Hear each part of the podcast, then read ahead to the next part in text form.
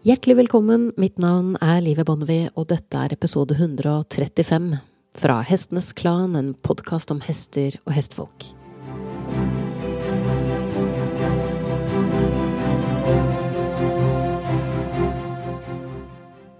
Denne uka så har podkasten rundet 300 000 nedlastinger. Og det er et gyllent øyeblikk for å se både litt fremover og litt bakover. Det er mye jobb å drive en podkast ved siden av full jobb. Men det er først og fremst preget av mange gode møter. For noen bra gjester jeg har hatt, og så mye jeg har lært av dem. For noen engasjerte lyttere jeg har, og så stor glede jeg har hatt av alle meldingene som dere har sendt. Og for en mulighet denne podkasten har vært til å se tilbake på mine egne erfaringer med hest de siste 40 årene. I dag tenkte jeg at jeg skulle si noe om det jeg antar er mitt første moment of zen på hesteryggen. Jeg kan ha vært eh, rundt eh, syv–åtte år gammel, og jeg maste om ri absolutt hele tiden. Og så ble jeg… Eh, så ble mine bønner hørt. Jeg var med familien på fjellet, og det fantes en ridemulighet, sikkert et skilt langs veien.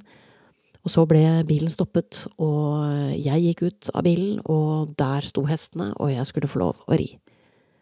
Og den hesten jeg fikk ri da, det er den hesten som den hvite spranghesten til Amanda Fivel i romanen Hestenes Klan er oppkalt etter. Han het Mont Kadett. Mont Kadett var en litt ubestemmelig rase. En varmblodshest av noe slag. Mørke, mørke brun, svart man og hale. En hvit sokk på venstre bak og litt hvitt på krona på høyre. Og så hadde han en stor, hvit stjerne. Og han hadde en åpenbar ekstremt god erfaring, eller lang erfaring, da, med barn. Så jeg fikk lov å ri ham på bane. Jeg husker at det var uh, sølete. Uh, og jeg husker at uh, Jeg husker klærne jeg hadde på meg. Jeg hadde på meg en lysebrun islender med noe hvite mønstre på. Og så hadde jeg jeans og gummistøvler. Og beina mine rakk bare akkurat så vidt nedenfor salkappene. Når jeg har sett på bilder av den dagen, så ser jeg en jente som ikke aner hvordan hun sitter på en hest, og ikke aner hvordan tøylene skal holdes. Men jeg husker veldig godt den erfaringen jeg fikk da jeg remont kadett. Den lettheten han hadde, den følsomheten han hadde, og hvordan det var mulig å ri ham nesten ved tankekraft. Jeg holder jo tak i tøylene, men de er helt slakke, men jeg husker at han gikk dit jeg tenkte at han skulle gå, og jeg husker at jeg følte at han passet på meg. Og så husker jeg at jeg konkluderte med at jeg kunne ri. Altså, det var uh, piece of cake. Dette er ikke noe problem. Uh, jeg er, uh, var så godt som ferdig, ferdig, ferdig utdanna i løpet av den. Jeg vet ikke hvor lenge jeg kan ri, en kvarter, halvtime, time. Men da jeg kom ut, så var jeg veldig sånn Ridning, det kan jeg. Og dagen etter så var jeg heldig, og vi fikk dratt tilbake. Ny rideøkt, men da med en annen hest en kaldblodstype, i hvert fall en tyngre type. Jeg har ikke noen bilder av ham, altså hvis jeg skal gjette, så tenker jeg at han var nok en kaldblodstraver. Jeg husker at han het uh, Tøffen. Jeg husker veldig godt at jeg tok i venstretøylen forsiktig for å prøve å få han til å svinge til venstre, og så husker jeg at han bøyde halsen sin uh, og fortsatte rett frem som om jeg ikke fantes.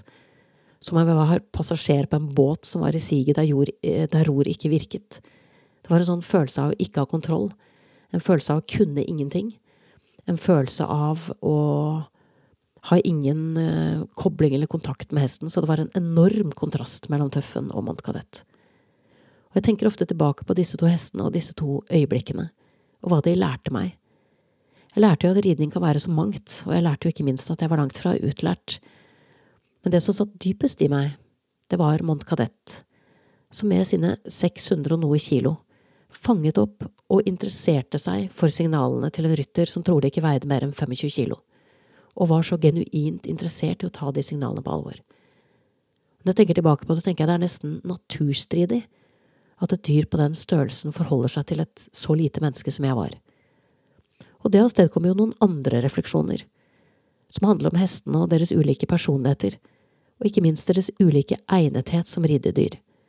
Som Emily Kajstotter snakket om i forrige episode, det å bli ridd, det står jo ikke på bucketlisten til alle hester.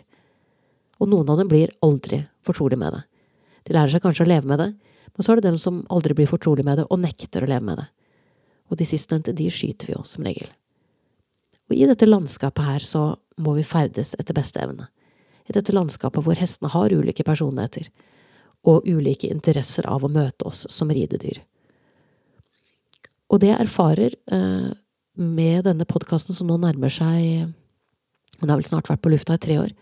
Det jeg erfarer, det er at det er veldig mye ensomhet der ute. Mye folk som har en høy etisk standard, men som mangler likesinnede å prate med. Folk som vil noe annet enn det man kanskje normalt er forventet å skulle ville med hester. Og jeg har lenge tenkt på muligheten å lage noen møtepunkter som kan knytte hestefolk som dette sammen. Fordi, som jeg har sagt tidligere, jeg har erfart selv hvor viktig det er å ha samtalepartnere. Og det jeg ser også på tilbakemeldinger jeg får på podkasten, det er jo at det sitter jo hestefolk på hvert eneste nes rundt omkring i hele landet. Og av mange av dem så er det da Av mange av dem som kontakter meg, så er det nettopp det som er situasjonen. At de er, de er kanskje den eneste i sitt område som, ja, som ser noe annet, eller som tenker på en annen måte. Og så er det det at jeg får mange spørsmål, eh, og jeg tidvis opplever at jeg har litt for liten tid til å svare på dem. Så har jeg lagt en slags plan om å starte der, med å ha en, for eksempel en Q&A, som vi kaller det i filmbransjen, altså hvor man svarer på spørsmål online, så at de gjør det nå og da. Og planen var jo egentlig å starte med det rundt nå, når jeg runder 300 000 nedlastinger. Så ville skjebnen det litt annerledes.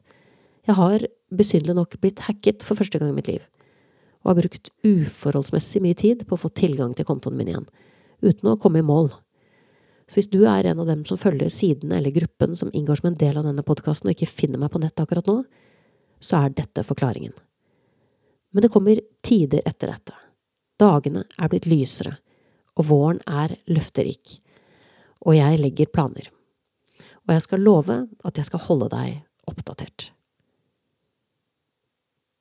Du har nettopp hørt episode 135 fra Hestenes Klan, en podkast om hester og hestefolk. Takk til min faste komponist Fredrik Blom, og sist, men ikke minst, takk til deg, kjære lytter, for tålmodigheten. Måtte hesten for alltid være med deg.